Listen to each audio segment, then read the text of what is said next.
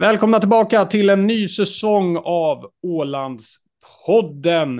Eh, den här säsongen, Daniel, så ska vi... Ja, vi ska göra saker lite annorlunda, har, har vi tänkt. Vi, ska, vi har bestämt att vi ska göra... Ska vi kalla det för dokumentär eller ska vi kalla det för debatt? Kanske debatt kolon Åland, vad säger du om det? Ja, lite så. Va? Vi ska i alla fall lyfta frågeställningar som, som mm. är aktuella ska vi göra. Eh, e-, egentligen också mycket mer ur ett faktahänseende. Du kallar det debatt, men vi vill lägga lite fakta på bordet under, under det här kommande halvåret också, så att vi kanske kan få en lite bredare debatt kring Åland och det åländska samhällets utveckling. Mm.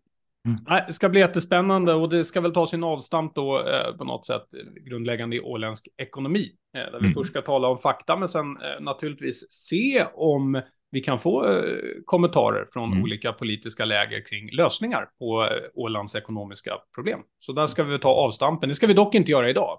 Nej, men, vi bara men, hintar idag. men vi kan väl säga varför, Daniel, som det här är intressant och varför vi vill belysa vissa sådana här ämnen under den här eh, säsongen. Och det, det har mm. såklart då att, att göra med observationer som både du och jag har gjort på varsina håll. Eh, och i mitt fall så, så har det handlat eh, ganska mycket om att eh, eftersom jag är intresserad av ekonomi och samhällsutveckling och så vidare har jag ju tyckt att det är ganska märkligt att man inte har en, mm. en större debatt om vart ekonomin barkar och framförallt att när man tar upp frågeställningen så så, och det här, nu talar inte jag för hela åländska befolkningen här, nu talar jag om mina kretsar och jag får väl stå för dem, Daniel. Mm, mm, du ingår i kretsen. Nej, men så, så tycker jag att man ofta möts av både en förvåning kring att men vad då? Vi, vi hör ju att vi har det så himla bra i jämförelse med eh, mm. Alla andra. Och ja, vi, vi, har ju en bra levnadsstandard. Det är ingen, det är ingen tvekan om, om, om det. Eh, men, men ekonomin ser dålig ut. BNP är, är fallande. Och sen vissa som i princip är totala förnekare. Mm. Och det förvånar ju mig väldigt mycket att man inte kan ha en öppen debatt. Och framför allt att jag tycker ändå att det skrivs en del om det på eh, Facebook, alltså sociala mm. medier och, och så vidare. Men det får inget Ja, insändarplats och ledarplats också. Mm. Och, le, och ledar, självklart ledar, ledarplats. Eh, men det får inget riktigt fotfäste. Det känns inte som det är något som finns i människors medvetande. Att vi talar om att vi behöver ja. mer pengar till vård, till skola, alla sådana saker. Men det finns ingenstans att, att, att ta det ifrån. Vi talar inte om grundproblemet. Det förvånar mig, Daniel. Nej, men det gör det. Det förvånar mig också, för jag har väl upplevt det här de senaste 15 åren. Ja. Jag tycker man har sett liksom den här utvecklingen har bara blivit sämre och sämre för åländsk del. Och jag tror att det ligger ett del, det ligger nog säkert flera faktorer i det här. Dels så har vi det bra i det stora hela eh, som tillfälle är nu. Men det är inte så mycket som prat talar för att vi ska ha det i framtiden faktiskt. Och vi har halkat efter rejält andra regioner, andra länder både på nordisk nivå och eh, europeisk nivå. Men sen så tror jag också att det handlar ganska mycket om självbilden. Åland, Åland under 80 och 90, början av 90-talet så var väldigt framgångsrikt på många sätt och vis. Mm. Vi står igenom lågkonjunkturer. Man sa bara ja, men vi ankrar upp under, under lågkonjunkturen. Sen kör vi vidare på nytt efter lågkonjunkturen. Men allt det här har ändrat, i synnerhet efter den här globaliseringen som hände, har skett de senaste åren. Åland har blivit liksom mer konkurrensutsatt. Vi är ingen isolerad ö när det kommer till ekonomi, vilket vi var på 80-talet. Och den här bilden har liksom inte riktigt satt sig ännu hos gemene man och kvinna och plus att man det är ganska mycket navelskåderi. Så jag tycker väl att det ska bli intressant att vi plockar dels fram siffrorna. Och sen att vi ska ha lite gäster in från de som tycker att allt är bra som det är och de som kanske tycker att här finns det väldigt mycket att göra. Eh, det intressanta är dock att jag tror att jag ser en stor skiljelinje eh, i det åländska samhället främst mellan politiker och näringslivsföreträdare, där mm. näringslivsföreträdarna är väldigt på det klara numera att det, någonting måste göras och det måste göras nu. Det skulle helst ha gjorts för flera år sedan. Medan politikerna tar inte ansvar, kommer inte upp på banan och, och kommer inte framåt i den här frågan överhuvudtaget. Och då blir man ju väldigt intresserad av frågeställaren. Vad beror det på? Varför tar man inte tag i den här frågan? Och den måste vi ju ställa här under våren också. Det måste vi göra. Och jag vill... För vi är ändå inne i ett valår, så den här frågan borde vara ganska stor eh, för alla oss. För i slutändan handlar det ju om att hur ska vi ha råd med skola, vård och omsorg? Ja. Och som utvecklingen är nu, när man spenderar mera pengar än vad man har, så kommer det inte att räcka så länge. Jaså, har du studerat eh, mm. ekonomi? Var inte du någon politisk eh, utbildad? Eh, är det så det funkar? Nej, jag, har ju fakt jag, har ju faktiskt läst, eller jag har ju faktiskt läst nationalekonomi och, och, och statistik också. Oj, oj, oj. oj. oj, oj, oj så det. Har du det? Eh, nej, det, Nej. Det, det, har jag inte. Men jag har jobbat många år som controller, så data i alla fall ligger mig. Nej, ja, det är bra det. Det är bra det. Eh, men Fint, och det här, det här ska vi eh, naturligtvis eh, återkomma eh, till. Vill kommentera att eh, naturligtvis så förstår ju vi komplexiteten i en sån här fråga, mm. för det handlar ju om att hela samhället behöver ställa om, för att en sån här plan är ju ingenting man löser på en politisk mandatperiod Absolut. heller, utan det behöver ju vara en bred överenskommelse, både politiskt, men också på något sätt i samhällskontraktet, samhälle, individ och individens skyldigheter tillbaka för att mm. vi långsiktigt ska kunna bygga någonting nytt. Så det här är oerhört komplext och jag vill ju inte göra människor oroade, men det är liksom inget unikt fenomen internationellt, varken för länder eller för bolag. Eh, en sån här typ av utveckling, att man kommer från något bra och sen har det stagnerat och man blir mer rädd för att förlora än vinna. Så är det. Uh, så. så. är det. Man, vet, men, man vet alltid vad man har och ålänningen är försiktig av naturen. Mm. Så det kanske ligger mycket i det också.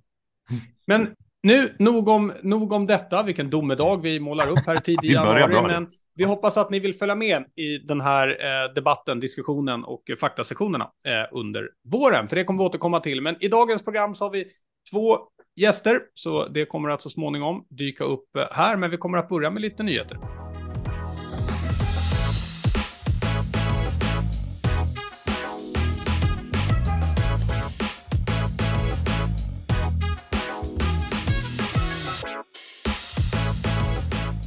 Första nyheten jag vill ta upp, eh, Daniel, är ju mm. debatten kring eh, vindkraftverk. Eh, och inte sakfrågan nu för en, för en gångs skull. Mm. för att jag, jag är inte heller bedömare att, att ge mig in i den, mer än att jag observerar att man bygger väldigt mycket vindkraftverk över hela, hela jorden. men det finns ju en, en, vad ska vi säga, en ganska ensidig debatt på Åland, framförallt i, i sociala medier som handlar om hur enormt dåligt vindkraftverk kommer att vara för, eh, för Åland. Och de är förgrymmade över att de inte får vara med i den stora debatten. Och det här får ändå en, en del traction. Vi har också sett här i, var det strax innan jul, så började en namninsamling för att stoppa mm. vindkraftverken. Jag vet inte vad de är uppe i idag, då var det 200-250, så det är ju ingen gigantisk mängd. Men jag skulle vilja fråga dig som eh, publisher, eh, vd för Ålandstidningen, för att det här fenomenet att en grupp hörs väldigt mycket i sociala medier och mm. alternativa medier, men inte får någon debatt med det så kallade då etablissemanget. Jag sätter ingen negativ benämning i etablissemanget, mm. för att alla tillhör något typ av etablissemang av något mm. slag. Eh, det är ju ett fenomen som vi har sett, det har rört allt från invandrarfrågor till eh, brottslighet, till allt möjligt eh, där man får svårt att få en, en generell eh, debatt. Man ska ju då ha klart för sig faktmässigt att oftast är det ju en mindre grupp som, som driver eh, debatten och etablissemanget brukar undvika att svara därför man ser inte riktigt vinningen i att diskutera en, en sån debatt med, med personer som har alternativa fakta. Läs mm. covid, eh, antivax eh, etc.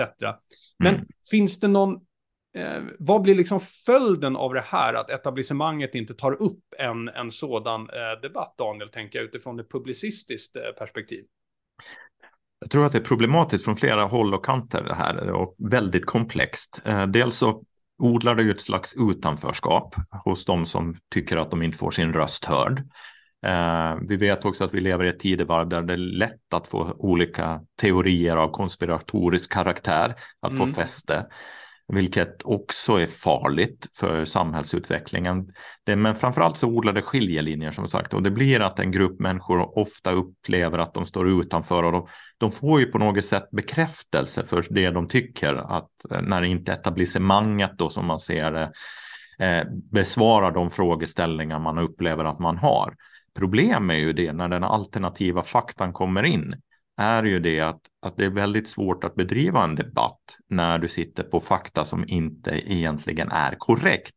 Det blir lite som Hans Rosling, om du kommer ihåg den berömda scenen med den danska reporten som han, när han satt där bara sa, men du har fel. jag har rätt. Jorden är rund, den är inte platt. Att det blir svårt att driva en debatt då någon med envishet hävdar att jorden är platt. Nu försöker jag inte säga att alla vindkraftsmotståndare säger att jorden är platt, det är inte det jag säger. Men jag tror att du får en problematik i det här debattklimatet där vi generellt sett i hela samhället i Västeuropa kommer till ett debattklimat där vi går in i att du har rätt, jag, eller jag har rätt, du har fel istället för att titta på jag tycker det här och jag har den här faktan bakom. Hur tycker du och vad har du för fakta? Är det någonting där som korrelerar? Är det någonting? Finns det någonting i det här som vi kan hitta varandra? Vi har liksom fel utgångspunkt i i vad heter det, hur man, hur, i själva debatten, att det går hela tiden i ett motstånd och på det sättet så blir det ju väldigt marxistiskt. För en marxistisk socialistisk debattkultur så vill du ju gärna ha vi och dem och du vill ha grova skiljelinjer. Och det där är väldigt intressant eftersom vi inte är i ett sådant samhälle mera. Men debattklimatet upplever jag är väldigt mycket i, den, i, i en liknande klimat egentligen där, där vi söker konstant felaktigheter hos varandra istället för att leta efter likheter och mm. försöka hitta vägar framåt där.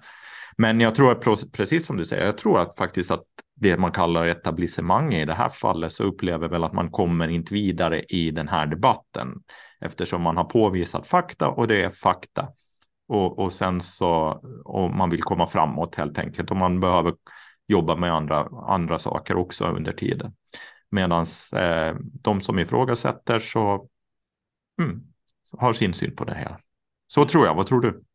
Jo, det, det tror jag. Sen såklart att man hörs mer i, i dagens sociala medier. Jag vill dock mm. framhålla mm. att eh, jag, jag, tycker ju ibland att det finns någonting farligt i att man behandlar även från etablissemanget debattklimatet annorlunda mm. mot folk som har en alternativ teori. För att mm. någonting som är viktigt, och nu, nu gör jag en studie, jag drar ingen parallell mellan de här individerna och, och Sverigedemokraterna. Men någonting som jag tycker eh, är jätteintressant med Sverigedemokraterna och även de som har arbetat nu med alternativ eller annorlunda eller annat synsätt kanske jag ska säga i sociala mm. medier är att de har också blivit väldigt skarpa i debatter.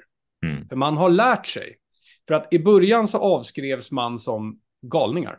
Mm. Alltså man viftades bort. Och det har ju gjort att man är ändå duktig, tycker jag, i, i de här minoriteterna i att lyfta fram faktabakgrunder, även om jag tycker att faktabakgrunden eh, talar emot bättre vetande. Mm. Så man ändå blivit ganska skarp och duktig på att, att lyfta fram sina argument och använder ju eh, retoriska grundläggande grepp i, i debatten, mm. där oftast etablissemanget blir arga Mm. Eh, och det tycker jag är, är naturligtvis eh, farligt. Eh, debatten, ja, det, som du säger, om det ska finnas ett debattklimat måste det också hållas åt, åt mm. bägge håll. Jag tycker att det är störande att man kommer med alternativa verklighetsbeskrivningar och att man talar mot bättre vetande, gärna eh, en koppling till en, en, forskare som har haft fel i allting och redan är utesluten från, från sina mm. egna grupperingar, gör ett inlägg på en blogg som man kan använda som källa utan granskning då, vem är den här individen och hur har det sett ut eh, tidigare, men man använder ändå det retoriska greppet av att lägga fram fakta och etablissemanget blir lite arga eh, i debatten och orkar då inte, inte ta den. Sen håller jag ju helt med dig här att eh, jag orkar ju inte själv heller eh, sitta och ha en debatt där vi talar mot, mot bättre vetande. Jag är intresserad av lösningen eh, i det fallet. Mm. Eh, själva vetandet, kunskapen bakom, den, den ser jag som fullkomligt passé, va? för att det finns andra, eh, det, det, finns eh, forskare och andra som har betydligt mycket bättre intelligens och kunskap än mig som har, som har tagit fram det. Så jag, jag är inte heller intresserad av den debatten, så jag inser här att jag är ju en stor del av problemet. Jag är inte heller villig att ta debatten. Nej, men det är väl det det handlar om i slutändan tror jag väldigt mycket. Och det, det är precis som du säger, retoriskt så har man gjort en lång resa och man ska komma ja, ihåg att väldigt många gånger så handlar det ju om att det finns politiska intressen i bakgrunden också. Ut. Där försöker folk hitta en väljarbas väldigt ofta. Även på Åland är det så i, i de här frågeställningarna. Och, och, och i det så så är det enklare att hitta ett, ett motstånd. Och vad hittar du? Ett, liksom, att du hittar en yttre fiende på det sättet då. För det är ju det det handlar om. Men för samhällsutvecklingen är det ju inte alls bra. Det är Nej. det Men, men problemet är som du säger också att etablissemanget då på det sättet inte vågar ta, eller vågar, orkar är rätta ordet, precis som du säger, ta den här debatten, för den behövs tas. Eh, frågan är bara hur länge det liksom du ska både ha tid och energi och, eh, och intresse att göra det. Då. Och det finns de som är gör bemöter det, man då men... exempelvis i en, vi säger en debattartikel, att jag gör en, mm. en insändare och släpper den som en debattartikel och mm. tillbaka där jag försöker lyfta fram fakta. Då kommer jag ju få kritik för att jag inte har eh, bemött alla 180 argument som man har kommit med. Mm. Eh, jag kommer också få kritik för att jag får radioutrymme mm. i tidningen. Mm. Eh, och jag kommer också få kritik för att jag inte bemöter direkt, exempelvis på Facebook och, eh, mm. och liknande. Man, alltså, så att man blir ju nerplockad här. Och tidningen kommer få kritik för att den går vissa ägarintressen ärenden. Ja, vilket är naturligtvis fullkomligt befängt. Om man, om man vet någonting om hur tidningar, media och så vidare eh, ja. agerar så vet man att det är fullkomligt uteslutet. Ja, det skulle vara så. Definitivt. Och det, det, är tråkigt när man också lägger sådana typer av Eh, begrepp och konspirationsteorier in i sånt här istället för att diskutera sakfrågan. Men mm. nu får vi eh, sätta punkt för den. Jag ville bara, jag tyckte det var intressant att höra din, din syn på just den här typen av situation som ingalunda idag är, är unik. Förr kändes det som att det var en sån här grej var femte ja. år. Nu är det liksom varje månad har vi något ämne. Jo, ja. eh, och jag förstår ju såklart att det här är ju en egen socioekonomisk eh, grupp, inte helt skild då när man talar om socioekonomisk grupp med utanförskap som med invandrare och allting mm. annat, där det är svårt att bli hörd. Och jag har, jag har stora sympatier för det också. Mm. Nej, men det är lite som Kevin Eriksson, ledarskribent på Ålandstidningen, skrev i tisdagens tidning också, lite att, att de här ämnena kapas hela tiden. Det kommer ett nytt ämne hela tiden som kapas av de här intressena som vill odla på skiljelinjerna i samhället. Ja. Och, och, och gör det av ideologiska skäl kanske. Och, och, just för att man söker efter en väljarbas igen. Och det där ser vi gång efter annan. Mm. Men du, nu ska vi hoppa till och tala om eh, Rosella. Eller vad säger du? Ja, det måste vi väl göra. Ja, och eh, nu är det ju så här att sen vi gjorde intervjun så har det ju skett lite utveckling, så vi får kommentera det efter intervjun. Men här ja. kommer den i alla fall.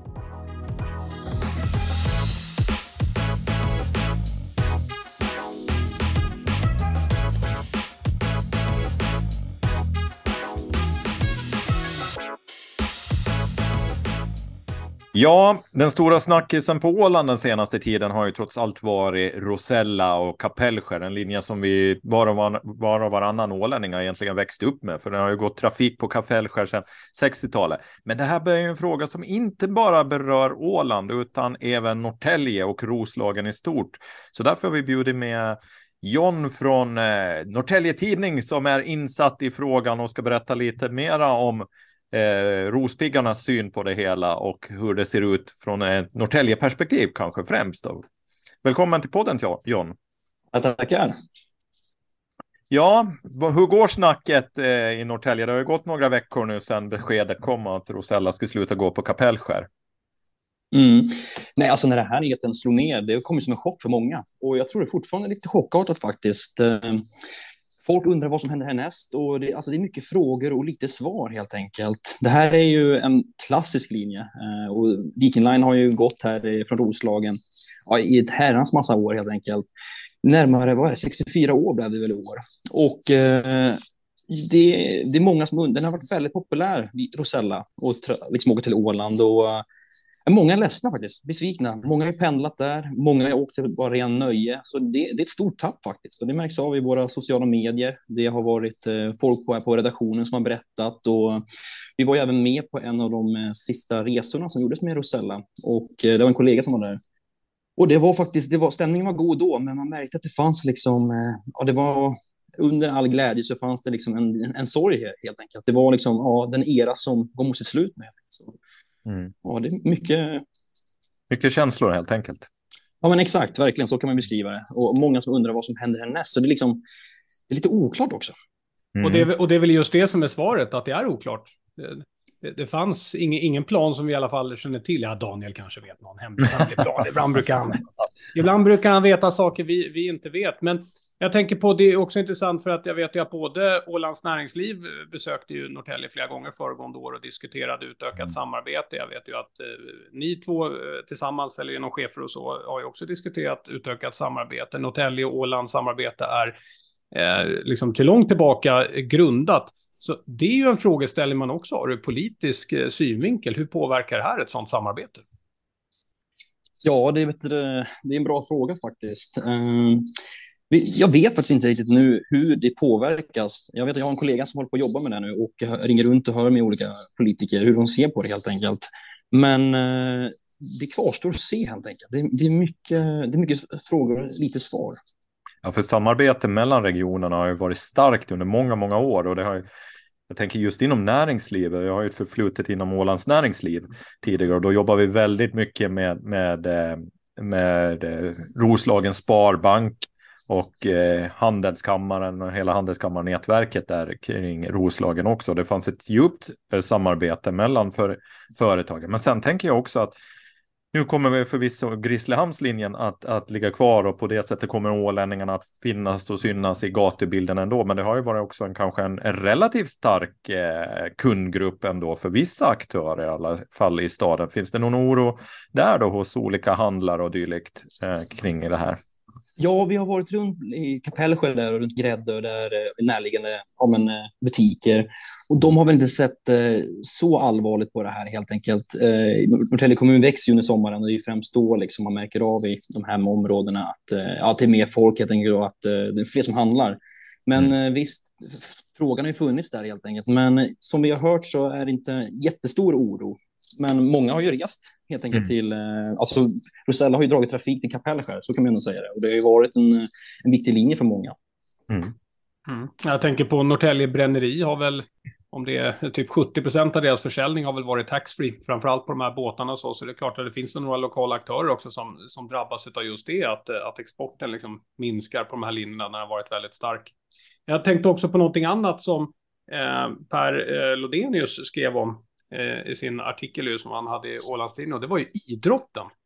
Mm. Och det, det hade inte slagit mig, för det har varit så otroligt mycket dialoger om ni vet, vad innebär det här nu för den raka turismen och allt sånt här. Men när, det, när jag läste det så tänkte jag verkligen, ja tusan ja.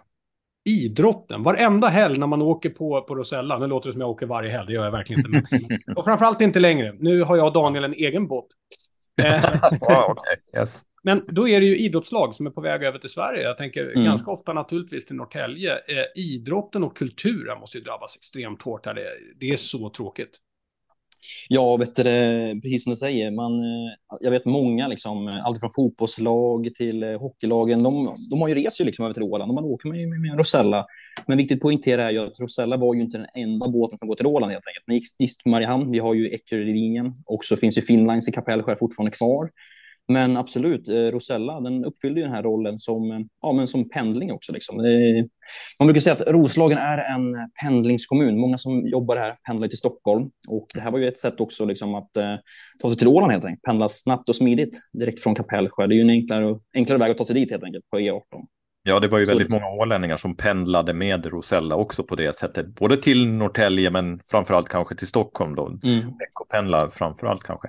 Det som jag tänker också som har varit på diskussion eller liksom varit på agendan ganska många år som kanske får ett ny, liksom lite ny kraft nu då. Det är ju vägen mellan eh, Norrtälje och Grisslehamn som mm. är en utmaning för de flesta. Eh, ro, rospiggar eller ålänningar, det spelar ingen roll, utan det har varit ett stort intresse från alla håll att den vägen skulle bli bättre. Hur går snacket där? Tror man att det kanske skulle, finns det en möjlighet att den skulle förbättras nu då äntligen? Du, det är en bra fråga. Det här med eh, Grisslehamn och vägtrafiken där borta, det har varit en stötesten i många år här i kommunen. Ja, det är väl det som många undrar på. Vad händer nu? Det är en, en hårt trafikerad väg. Ska den bli ännu mer trafikerad? Ekolinjen har ju sagt att de ska utöka sina, sin turlista. Eh, och Trafikverket har ju tidigare sagt att de ska rusta upp eh, området, helt enkelt, vägarna där. Men det kvarstår väl att se när det är liksom när första spadtaget tar. Men ja, det är mycket frågor, hur ska det gå helt enkelt? Det, Kapellskär var ju en smidigare väg. Det, det, det, var liksom raka spår kan man ju säga och mycket smidigare att ta sig till, eh, till eh, Stockholm. Men eh, sen får man tänka på de som bor i Grisslehamn, de drabbas ju inte direkt av att Rosella läggs ner. De har ju fortfarande ekonomi, närheten till den. Så det är ju många som bor i Norrtälje och runt omkring Kapellskär som ja, får väl en hårda smällen om man säger så, liksom, om man sett till våra kommuninvånare som vi måste resa en längre bit. Men, eh, Mm. Men du, du säger ju att ni talar eh, runt omkring med, med, med politiker. Och återigen i den här eh, artikeln av, av, av Ludenius så, så talar ju han eh, om att man skulle vilja se ett utökat samarbete med både skola, vård, eh, allt möjligt. Är det en allmän tendens? Alltså, liksom, vad, vad säger de när ni, när ni talar med dem? Nej, jag känner faktiskt inte igen det helt eh, och jag har inte hört några indikationer på det. Men eh, som sagt, jag har ju en kollega nu som i skrivande stund eh, sitter och ringer runt helt enkelt till politikerna för att höra lite hur snacket går. Men jag som själv som är uppvuxen här kan inte dra till minne att vi haft något liksom, samarbete på så sätt. Men ja, tanken kanske har funnits där. Men min kollega jobbar som sagt på det nu och tar reda på mer. Men, mm. Det var ju väldigt många ålänningar som gick i Rådenskolan tidigare, eller mm. Råden gymnasiet bland annat. Eh, så där tror jag kanske det starkaste samarbetet har funnits historiskt i alla fall. Mellan När du säger det, ja. Mm. Man har ju haft eh, faktiskt några åländska klasskompisar genom åren. Eh, och då var det ju framför allt Rosella de reste med. Eh, så ja, det, det blir ju tapp. Mm. Ja, det är spännande. Det här med Finnlines också är lite intressant och de kommer ju komma med nya fartyg. Eh, de säger ju att de ska köra på Kapellskär, Mariehamn eller Långnäs i första hand och sen Nådendal. Man kan tänka sig att man kan köra också i Mariehamn då sommartid, men tidigast 2024. Mm. Någonting som har varit liksom upp på tapeten också hos er att diskutera, för här har det funnits en en, kanske hos vissa en, en, liksom en dröm om att kanske de i alla fall skulle köra Mariehamn, eh, Kapellskär under viss tid i alla fall. Sen, sen är ju, jag menar, Eckerölinjen kommer att gå där så vi är inte utanför snabbrut, det ska vi komma ihåg. Men, men det här diskuteras ganska frekvent. Ja, Finland har väl varit lite mera, jag skulle säga bortglömd helt enkelt, men den har ju haft riktat sig mot en annan eh, trafik. Man har ju bland annat behövt ha ett fordon för att ta sig ombord och det har ju, Rosella har väl fyllt den här platsen mera när man tar sig till ja, men Mariehamn framförallt, eller Åland. Mm. men ja, de där uh, nya färgerna som kommer, det blir, ju, det blir spännande för hur det blir. Det blir ju lite mer passagerarfartyg och nyheten har tagits väl emot. Uh, det har vi sett mm. på sociala medier att många är nyfikna på den. Och, men det är just det där med Mariehamn, liksom. många vill ju fortfarande att man ska kunna ta sig dit helt enkelt. Och vi får väl se om Finnlines kan lösa det. Men det är, i alla fall nyheten om de här nya fartygen, det har tagits väl emot. Mm. Det var ganska kul för att vi har ju väldigt roliga så här, lokala trådar här på Åland och en har ju handlat om just det att man måste ha bil om man åker på Finland. Så sen att det, det inte försvann, men det ersattes med att man kunde också ta cykel. Så folk har suttit och måttat hur lång tid det skulle ta att ta den här cykeln för att få det här billiga priset via Finlands. Men nu meddelas väl att, att man ska kunna åka utan något fordon alls. Eh, och, och, det är väl såklart eh, att man försöker då möta upp mot, mot det behovet som finns för att kunna liksom mm. reguljärt på något eller annat sätt eh, kunna resa. De här nya färgerna, man ser modellerna på dem, talar ju väldigt många om skulle då vara framtidsmodellen, det vill säga väldigt mycket fokus på transport, men ändå då två våningar med allt från shopping och, och restauranger och så vidare. Så det där är ju på allvar riktigt spännande. Mm. Och det, du, det du nu räknar ut, John, är hur lång tid tar det för mig att cykla hemifrån till Finland innan de har infört det här att man slipper fordon? Ja, exakt. 20, 20 minuter med bil, va? Från Kapellskär till Norrtälje. Så. Ja, exakt. Man får ju ta några skogsvägar, kan jag tänka mig, som man cyklar på eh, I18. Men eh, nog allt ska gå. Nog allt ska gå. Mm. När kommer ni att publicera det här gällande vad politiker tänker eh, runt om i Norrtälje? När är det på G ut då?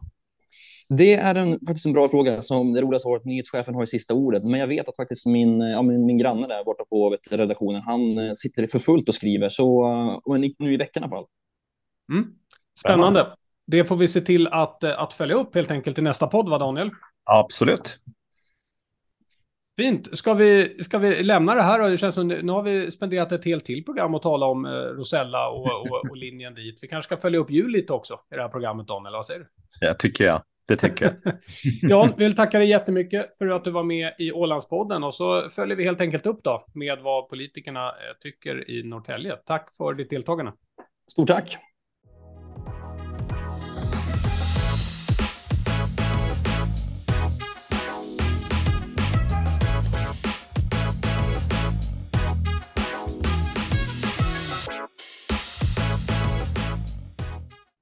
Ja, vad kan man läsa mellan raderna från eh, den här intervjun, Daniel? Jag, jag, får ju ändå en underliggande bild av att ehm, eh, det är naturligtvis, och det visste vi ju redan, att frågan om Rosella är, är naturligtvis mycket mer allvarlig eh, här på Åland, även om det finns en viss allvarton även från eh, från Norrtäljesidan. Men den hade ju främst att göra med att man tycker att det var roligt att åka på, eh, på Rosella och besöka lite Åland. Den här närheten mellan Åland och, och Norrtälje, där vi bland annat har läst då Lodenius som mm. skrev den debattartikeln, den känns ganska fjärran faktiskt när man lyssnar på, på någon typ av allmän opinion. Ja, jag tror det, att det beror lite på var du är i Roslagen också. Jag tror att just Norrtälje som sådant har ju blivit väldigt mycket en pendlarkommun, precis som mm. John säger. Att det, det, är väldigt mycket en förstad till Stockholm. Och det ser vi alla när vi åker förbi Norrtälje också, att det finns ju ganska stora parkeringar i direkt anslutning till ytterkanterna av Norrtälje. Och många pendlar till och från Norrtälje för att jobba. Ja, så Norrtälje i sig har blivit en pendlarkommun ganska långt och det är väldigt mycket stockholmare som har, har stugor och liknande i dess närhet. Visst är man trött på stockholmarna va? Några eh. väller in. Ja. Nej, men däremot så tror jag kanske att om vi rör oss lite norrut, norrut så kanske den finns mera, mera den här norr om Norrtälje så kanske det finns mera den här samhörigheten.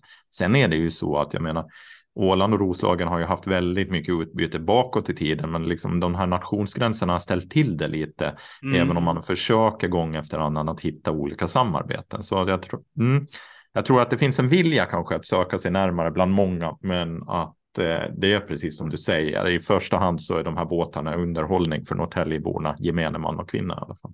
Jag har inget problem med att det är en underhållningsbåt så länge den lägger till här. Eh, om vi bara kunde få dem i land också till något ställe du och jag sätter upp. Eh, mm, så du tänker så, kan ja. konsumera lite, lite här i, i Mariehamn, det vore perfekt. Räcker det inte bara att de lämnar pengarna i hamnen åt oss då? Jo, alltså i, i klassisk åländsk benämning så ett kuvert på kajen går ju bra det också. Eh, min gode första insamlare. ja, det är bra. ja. Men precis samtidigt som vi har haft den här intervjun, eller dagen efter, mm. Ja, eh, för vi la ju fram en, en, teori där då om det här med omflyttning med allt från XPRS, Cinderella, Birka eh, etc. i intervjun. Ja, då kommer Cinderella och gör ett provanlöp i Kapellskär. jag tror att du tänkte samma sak som jag. Men mm. vad fan. Ska vi måste göra om intervjun nu? Ja. Exakt, vi borde klippa bort delar av den. Men det var ju intressant, Daniel. Var, mm. men, men betyder det här något? Eller vi vet inte kanske. Jag tror att det betyder ganska, eh, eh, vi vet ju inte, men jag tror att det där är lösningen som kommer att vi kunna se i sommaren, under sommarhalvåret. Ja. Det där har ju Vikinglinjen gjort ganska många gånger, i, i synnerhet de senaste åren vad det gäller Stockholm, Helsingfors, Tallinn trafiken, att man har satt in extra, extra kapacitet under sommarhalvåret då, mellan främst Helsingfors och Tallinn då. Jag tror Mariella var det som gick, gick tog en extra tur där någon sommar. Och det är väl lika, det, det, det låter ju nog som att det är samma sak här, att man skulle få en, en tur och kunna fylla bildäck på Cinderella som annars är ganska tomt med tanke på att att eh, man, man kör kryssningspassagerare i, i, i, ganska långt annars med, med henne på det sättet. Så det där, det där blir väl intressant att se. Eh, sen är det de som säger ja, men då blir det ingen kvällstur. Nej, men det kanske inte vi kan räkna med heller. Utan, eh, får ja, man kan välja att se allting negativt. Mm. Ja, exakt. Jag tänker om det, om det finns all, allting som anlöper hit är bra. Ja, men så tänker jag också. Den stora frågan blir väl där liksom att Rosella var lite, hade problem att ta i land i Kapellskär tidigare, att eh, vid vissa, vissa vindriktningar. Så att Cinderella är ju trots allt större. Och, och, och, men rent företagsekonomiskt också att upprätthålla, få en extra tur för Vikinglinjen då att, och med Cinderella för kapaciteten finns ju där. Eh, och under sommarhalvåret så är det ju, det låter ju sunt. Jag tänker det är, ingen som tjänar pengar på att köra några båtar så väldigt mycket båtar den här tiden på året om vi säger som så. Så då vill man ju gärna koncentrera det till sommarhalvåret. Mm. Mm. Spännande. To be continued som man säger. Men du, vad sägs om lite sport? Jajamän. Vad hände i helgen? Storslam. Wilmer Kvarnström. Mm. Det är åländska mästertitlarna för två och fyrmannarnas lag då som var i, för, i bowling. Och IFK Bovlaren bowlaren då, William Wilmer Kvarnström, han vann eh, alla tre för juniorer då. Så det här är ju en, en, en kille som är på, på tillväxt rejält och han har väl varit lite landslagssammanhang också för att testa vingarna tidigare. Så att det är den där åländska bowlingen som lever och frodas. Eh, brukar du själv gå och bowla? Inte jätteofta, men jag tycker att det är superkul. Ja, det är ju någonting som lockar men, väldigt många. Men du kommer ju från någon typ av proffsfamilj, eller är ingift i någon proffsfamilj, är det inte så? Eh, och jag är nog ingift snarare än kommer från. är, du, är du proffs, Daniel? Nej, definitivt inte. Definitivt inte. Nej, men min eh, kära fru har ju varit ordförande för bowlingförbundet. Ja, hennes farbror har väl spelat, spelat på högsta nivå och eh, pappa och mamma och mormor och morfar. Ja, mm. Så jag får väl jobba för att inte de här stackars barnen vi har ska måste hamna i den där bowlinghallen också. Då. Sa du inte precis att bowling var bra? Att vi är framgångsrika? man märker att ska man spela mot dig får man spela med de här sidokanterna uppfällda. Det är korrekt, ja. Man måste, man måste ha staketen uppe. Nej, men det är ju ganska intressant bowling. Det är ju en jättestor sport i USA. Väldigt mycket pengar involverat. Ja, Medan den för en lite mer osynlig roll i, i Europa, även om den engagerar väldigt många i Norden. Och Åland är den ju stor med väldigt många föreningar. Är den. Så det är, det är ju lite kul. Ändå. Ja, Nej, det tycker jag med. Och eh, stort grattis får vi säga igen till, till Wilmer. Mm. Mm, lite bra. Det måste vi göra, ja. Mm. ja. Eh, jag tror, citat, verkligen att 2023 blir året och ännu tätare band knyts mellan våra nationer. Det blir ett segerår för oss alla, säger Olga Debrova, Ukrainas ambassadör i Finland, i ett tal i Ålands lagting som gjordes eh, i förrgår. Mm. Hon ser gärna att vänstäder bildas på Åland och i Ukraina och att ukrainska lärare anställs i skolorna. Intressant, tänker jag, eh, som gärna skulle vilja att Åland är liksom den mest pragmatiska platsen eh, för sånt här. Mm. Det är ju också, det är inte bara det att vi gör det eh, enbart för att eh, vara goda, det sätter ju också Åland på en väldigt fin position internationellt, skulle jag påstå. Definitivt.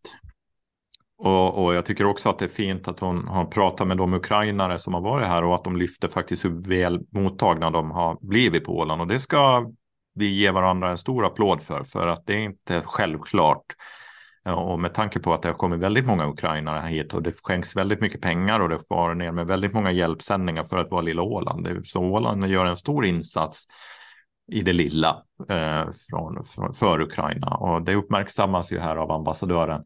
Och det ska ju sägas också att det var väldigt mycket folk faktiskt i, i plenums, i, i lagtings, nu kommer jag inte ihåg, nu blir jag helt förvirrad, lagtingssalen här, eh, när, när hon höll sitt sitt tal och det fanns väldigt många tårar på kinden också. Så Ukraina berör mm. och är aktuellt fortsättningsvis.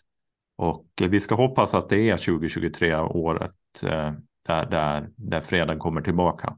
Eh, vi får hoppas det, men jag tror att tyvärr att det kommer att ta längre än så. Så det är nog mycket uthållighet i de här frågorna också. Men det är också viktigt att det fortsätter beröra. Att vi inte glömmer, för det är så lätt att saker och ting normaliseras. Eh, mm. Så, så därför blir man ju, det låter då väldigt konstigt när man säger att man blir glad att, att det berör, men jag blir faktiskt det, därför att eh, det här gäller hela internationella samfundet. Vi går också igenom en enorm energikris i, i Europa, delvis mm. orsakad utav, utav Ryssland, höjda kostnader etc. som är ett steg i att, att försöka få Europa att släppa frågeställningen kring, eh, kring Ukraina och Ryssland. Och det får vi verkligen inte göra. Nej, men jag tycker det kommer väldigt, det, det, låter hemskt att säga, men det kommer också väldigt mycket gott ur det här. Det kommer en samhörighet, det kommer närmare, vi närmar oss varandra. Vi inser att fred och demokrati inte kommer gratis, utan det är väldigt mycket arbete som måste göras för att upprätthålla den av varje generation hela tiden. Och sen så tror jag också just det här med, precis som du säger, att inte sätta sig i händerna på, en, på skurkstater vad det gäller energi och nu kommer mycket av tillverkning flyttas ju hem nu både till Europa och till USA. Exakt. Och, och det är extremt viktigt att vi kommer bort från beroende av, av Kina, av eh, Ryssland och, och, liknande stater. Att vi måste, vi, jag tror västvärlden har varit lite naiv. Den har varit bra den här globala handeln och vi måste komma dit igen för det, det gynnar alla på, på den här planeten om vi har en global handel. Men det får inte ske under termer där, där, där folk blir utnyttjade, där diktatorer eh, och diktaturer kan frodas på våra pengar och eh, våran godtrohet. Utan eh, det, det ser vi vart leder till, utan vi måste, folk måste, folken måste resa sig i de här länderna och slå bakut och få en demokrati till hand första, först och främst. Och det ska vi stödja. Men vi ska inte stödja diktaturer genom att, att förlägga en massa tillverkning till dessa stater. Yes. Mm. Det blir slutpunkt för det, för nu är det dags att uh, tala om uh, djur, Daniel. Ja. Vår nästa gäst.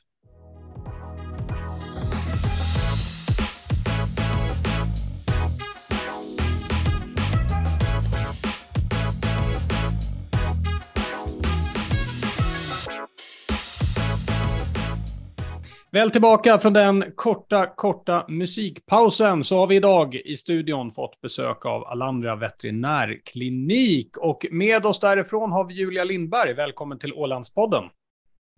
Tack så mycket, vad trevligt. Jag satt och kollade lite på er sida. Jag har sett här, till att börja med att ni, ni öppnade ju dörrarna bara häromdagen om jag har förstått det rätt. Eh, och, ja, det stämmer. Ja, och redan så har ni 500 följare på Facebook. Det motsvarar 2,2 procent av eh, Ålands befolkning som finns på Facebook. Det är ganska bra jobbat på den tiden. Ja, det visste jag inte själv om heller, så det är bra. Ja, det är kul. Det, det, är jättekul och det visar att intresset är superstort. Så nu skulle vi vilja veta från, eh, från dig till att börja med. Var ligger den nya veterinärkliniken och varför startade du upp den? Ja, den nya kliniken den ligger i Dalbo i Mariehamn eh, vid Uppgårdsvägen 8. Eh, jag har startat upp den som, egentligen är det ju en långsiktig dröm som jag äntligen förverkligar och, och ja, det har fått mogna fram en, en, från, en från en dröm till en, till en liksom fullt utvecklad ja, klinik. Mm. Vad, vad, behöver man för, för oss som är helt novisa? Nu har jag visserligen haft eh, två hundar lång, långt tillbaka i tiden, men om man tänker att man sätter upp en klinik, vad behöver man för, för personal utöver det uppenbara att man behöver en veterinär?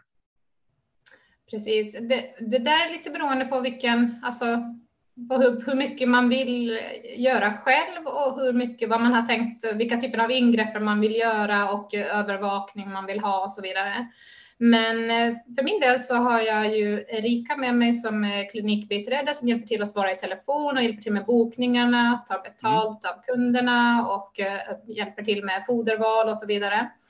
Och sen har jag Cecilia också här som, som är djursjukvårdare då och som hjälper mig med själva patienterna. Eh, allt från att ge lugnande, ta blodprover, köra olika maskiner, hjälpa till att söva och övervaka narkosen och, och ja, ta hand om djuren. Mm. Och jag tittar ju som sagt lite på bakgrunden och du nämnde här att det här har varit en sån här långsiktig dröm. Då tänker jag på att eh, även jag som barn vid något tillfälle ville nog bli veterinär. Det känns som att många barn man har haft kontakt med liksom så här, men veterinär skulle jag vilja bli. Har det varit en dröm för dig sedan du var barn? Inte sedan jag var barn, nej. nej. Den, den, eh, jag, jag minns fortfarande när, när jag insåg att jag ville bli veterinär, för det kom liksom som en blixt från klar himmel nästan. Eh, och det var när jag gick i Luciet så kom jag på att men veterinär, gud, det skulle vara jätteroligt. Så började jag titta upp vad som krävdes för att komma in. Och, ja, sen ändrade jag och gick Luciet på fyra år för att eh, få de betyg jag behövde för att komma in. Och så hade jag lite flyt och kom in på första försöket. Det är ganska svårt att komma in. Så, så jag har haft lite tur med mig också. Men när du säger då att det bara kom som en blixt från klar himmel, och tänker jag så här, satt du bara där i skolbänken på Ålands museum och så bara helt plötsligt, veterinär? Nästan. har vi det. Nästan. Korridoren kommer jag ihåg att det var. Jag vet inte om vi, vi pratar, med, säga, jag pratar med någon eller? Vi får ju ändå säga vad lyckosamt med tanke på att de flesta av oss vet ju fortfarande inte vad vi vill bli. Vi, vi jobbar oh. ju på den. Det var den saken Ja, ibland jag, när jag var riktigt ung så drömde jag om att bli detektiv. Eh, ah. Det var på den tiden man läste Kittyböcker. Mm. Och, Djur, och djurdetektiv jag kanske? Har, jag, har fått, jag har fått bli det också för att det är lite av ett detektivarbete att jobba som veterinär. Man får, man får eh, leta och finna ledtrådar och slå ihop dem och hitta liksom, lösningen och förklaringen. Mm. Ja, jättespännande och vilken fantastisk story kring hur, hur du kom på att, eh, att du skulle bli det, eh, måste jag. Du, nu måste du få lära mig lite om veterinärsyrket. Du får se mig lite nu som att jag kommer in som, som prao här. På en vanlig dag, vad förväntar man sig för, för djur? Är det, är det mest katter och hundar? Vad, vad är det för andra djur som kommer? I huvudsak så är det ju verkligen hund och katt och det är också mm. mina, mina, mina områden som jag har jobbat mest med. Eh, sen det är klart att det kommer ibland någon kanin och något marsvin och så, men, men i huvudsak är det hund och katt som kommer in. Som veterinär, finns det något djur som man inte behandlar, eh, så att säga? Som är liksom, nej, det, det, det här tar, tar, vi inte emot, eller, eller är det liksom det alla djur? Alltså vilda djur har ju inte jag som... Nej, som nej det, det förstår jag, men mm, jag tänkte folk kan ju ha alla möjliga husdjur menar jag. Sen, jag skulle säga att egentligen är begränsningen var liksom vilka områden jag känner mig bekväm med att, mm. äh, att jobba med. Jag har jobbat lite med hästar också till exempel. Och för, för, för, för ett tag sedan så jobbade jag, liksom i början av min karriär så har jag provat lite på nötkreatur och får och, och lantbruksdjur. Mm. Äh, men idag så är det ett tag sedan jag jobbade med det så att det, det kräver ju lite uppfräschande av kunskap för att, för att ta, ihop, ta emot vilka djur som helst. Ja. Om man tar eh, katter och hundar då, vad, vad, är den vanligaste åkomman som man, eh, som man söker hjälp från en veterinär kring? Mm, det finns nog, jag, jag skulle inte säga att det är en som är, är enklast överlägsen ensam, utan jag skulle säga att det är grupper av, av Alltså på katterna är ju bitsår väldigt vanligt. Bitsår och bitböld. Eh, ovilja att äta, att de är, alltså, som oftast är en följd av någon, någon annan sjukdom som försiggår i kroppen, någon infektion eller så. Och på hundarna skulle jag säga att ganska vanligt med kräkning och diarré och det vanligaste är ju då att de har plockat i sig någonting olämpligt. Men ja. där är också sårskador, hälta, att de haltar av någon anledning. Ehm, ja, jag skulle säga nästan symptomen kanske är vanligare och man kan rabbla upp olika symptom som de kommer in med än att säga en specifik diagnos som är överlägsen. Men när du säger symptom så tänker jag så här, finns det några symptom där, eh, där man kan tipsa de som lyssnar om att här ska du verkligen eh, söka vård? Att det finns symptom där folk väntar för länge innan de tar sig mm. till veterinär? Jag skulle säga som så att överlag så tänker jag att, att när man har ett, en hund eller en katt som är påverkad i sitt allmäntillstånd, alltså att den är tydligt dämpad, har feber eller på annat sätt inte mår bra, eh, inte äter, inte dricker, det är ju definitivt ett läge att komma in. Mm. Låter som samma som människan då, ungefär. Ja. ett, ett dåligt allmäntillstånd. Ja, ja, ett påverkat allmäntillstånd och dämpad eller liksom inte. Man, om man som djurägare märker tydligt att ens djur inte mår bra, då ska jag inte vänta. Mm. Har du själv djur? Ja, det har jag. Eh, en katt ja. har vi och sen så eh, har jag och min man då också eh, en grupp höns. En, en grupp höns? Två, en grupp höns tillsammans med två tuppar. Ja. Harry och Roland heter tupparna. Harry och Roland. Ja. ja, det är Harry som är boss. Mm. Okej, okay, okay, så Harry, Harry bestämmer. Harry bestämmer, ja. ja Roland, han, han springer bredvid han. Ja. Mm. Ja, eh, jättespännande. Jag tänker framtiden för veterinärkliniken. Nu, nu har ni startat upp. Jag antar, givet hur mycket det skrivs och så, att intresset är, är högt. Eller jag, jag tar, tar, det för givet här i alla fall, att, att det är det. Finns det någon så här framtida vision eller är det som du har i huvudet nu är bara att nu ska den här kliniken bli, bli så bra som, som möjligt? Har du några planer på expansion eller så i framtiden? Eller det klassiska svaret, man vet aldrig, punkt, punkt, punkt.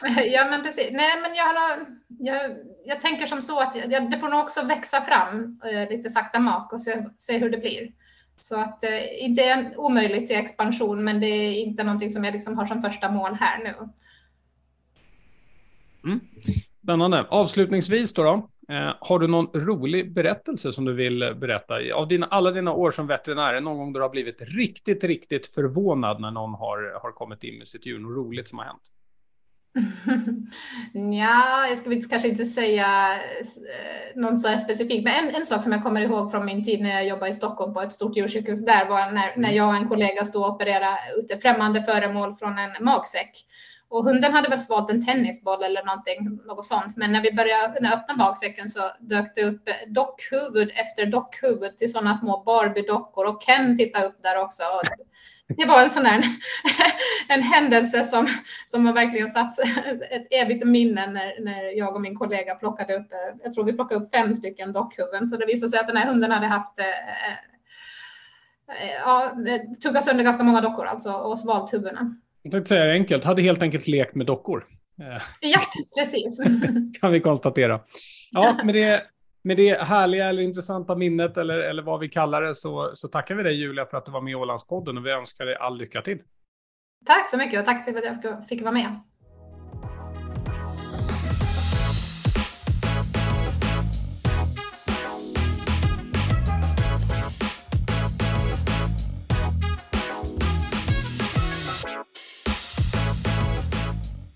Ja, väl tillbaka så har vi egentligen bara ett avslutande ämne och det är någonting som gjorde mig väldigt glad när du skickade den eh, till mig. Rubriken på artikeln är Från Stora viken till Stora eh, världen. Men det handlar om det nya direktivet från EU som ska skydda eh, visselblåsare över hela unionen. Och Erik Schutten har utvecklat i Sund, om jag förstår det lätt, ett lätthanterligt system för att hantera då anmälningar från, från visselblåsare. För er som inte är jätteinsatta i frågan ska jag säga att jag har varit väldigt insatt i frågan om eh, visselblåsare och, och skydd och har väl kunnat konstatera att jag tycker att skyddet i Finland är ju betydligt sämre än vad det är på många andra platser. Tycker att ett EU-direktiv, det nya, var verkligen på sin tid att det kommer. Och det här är ett sätt för samhället eh, att utföra självkorrektiv. Eh, mm. Jag tycker det här är jätteviktigt. Ja, men det är viktigt och det faktiskt, jag tror att det kan ha en stor inverkan i det lilla samhälle där, där det kanske ofta är svårt att få sin röst hörd och, och att försöka, att här har du en möjlighet att göra det anonymt också när du ser och vara säker på det.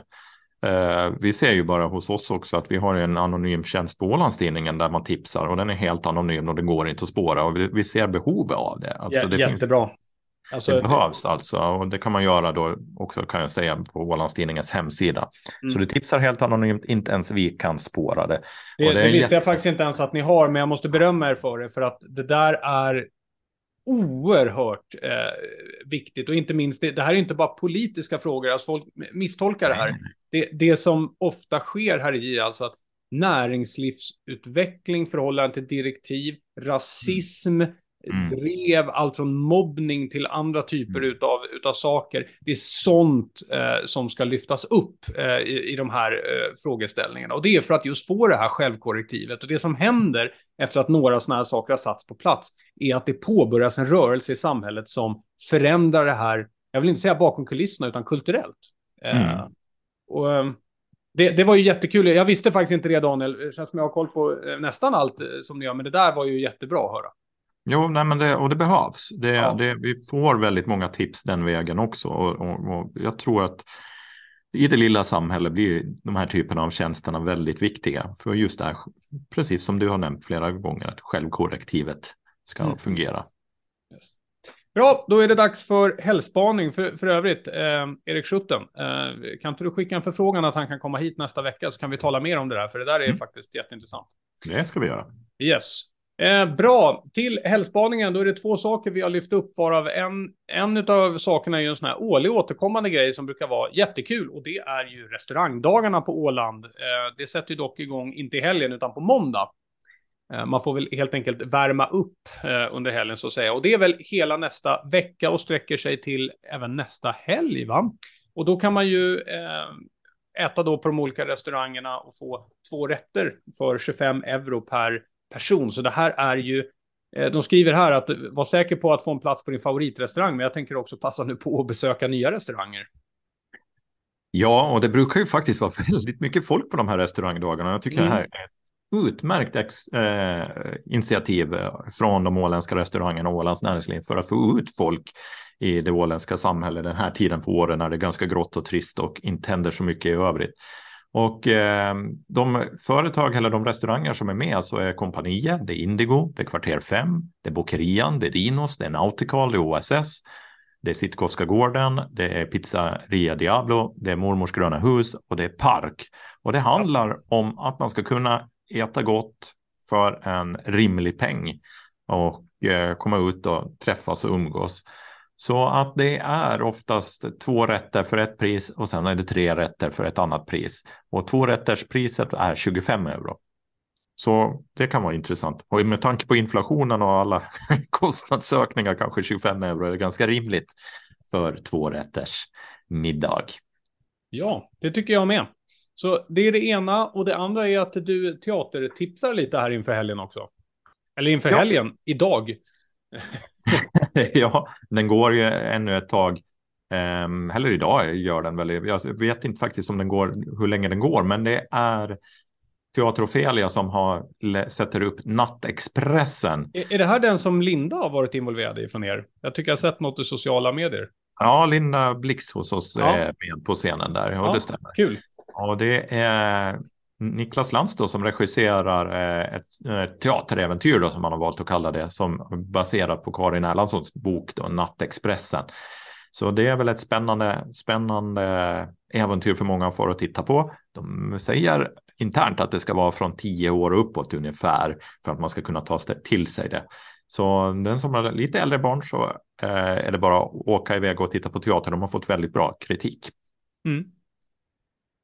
Det verkar jättekul. Jag ser att det finns flera datum när man går in på, på bokningssidan, så den som nämns då på åland.com är inte, inte alla dagar, utan det är bara att klicka sig vidare där så får man se de datumen som den går.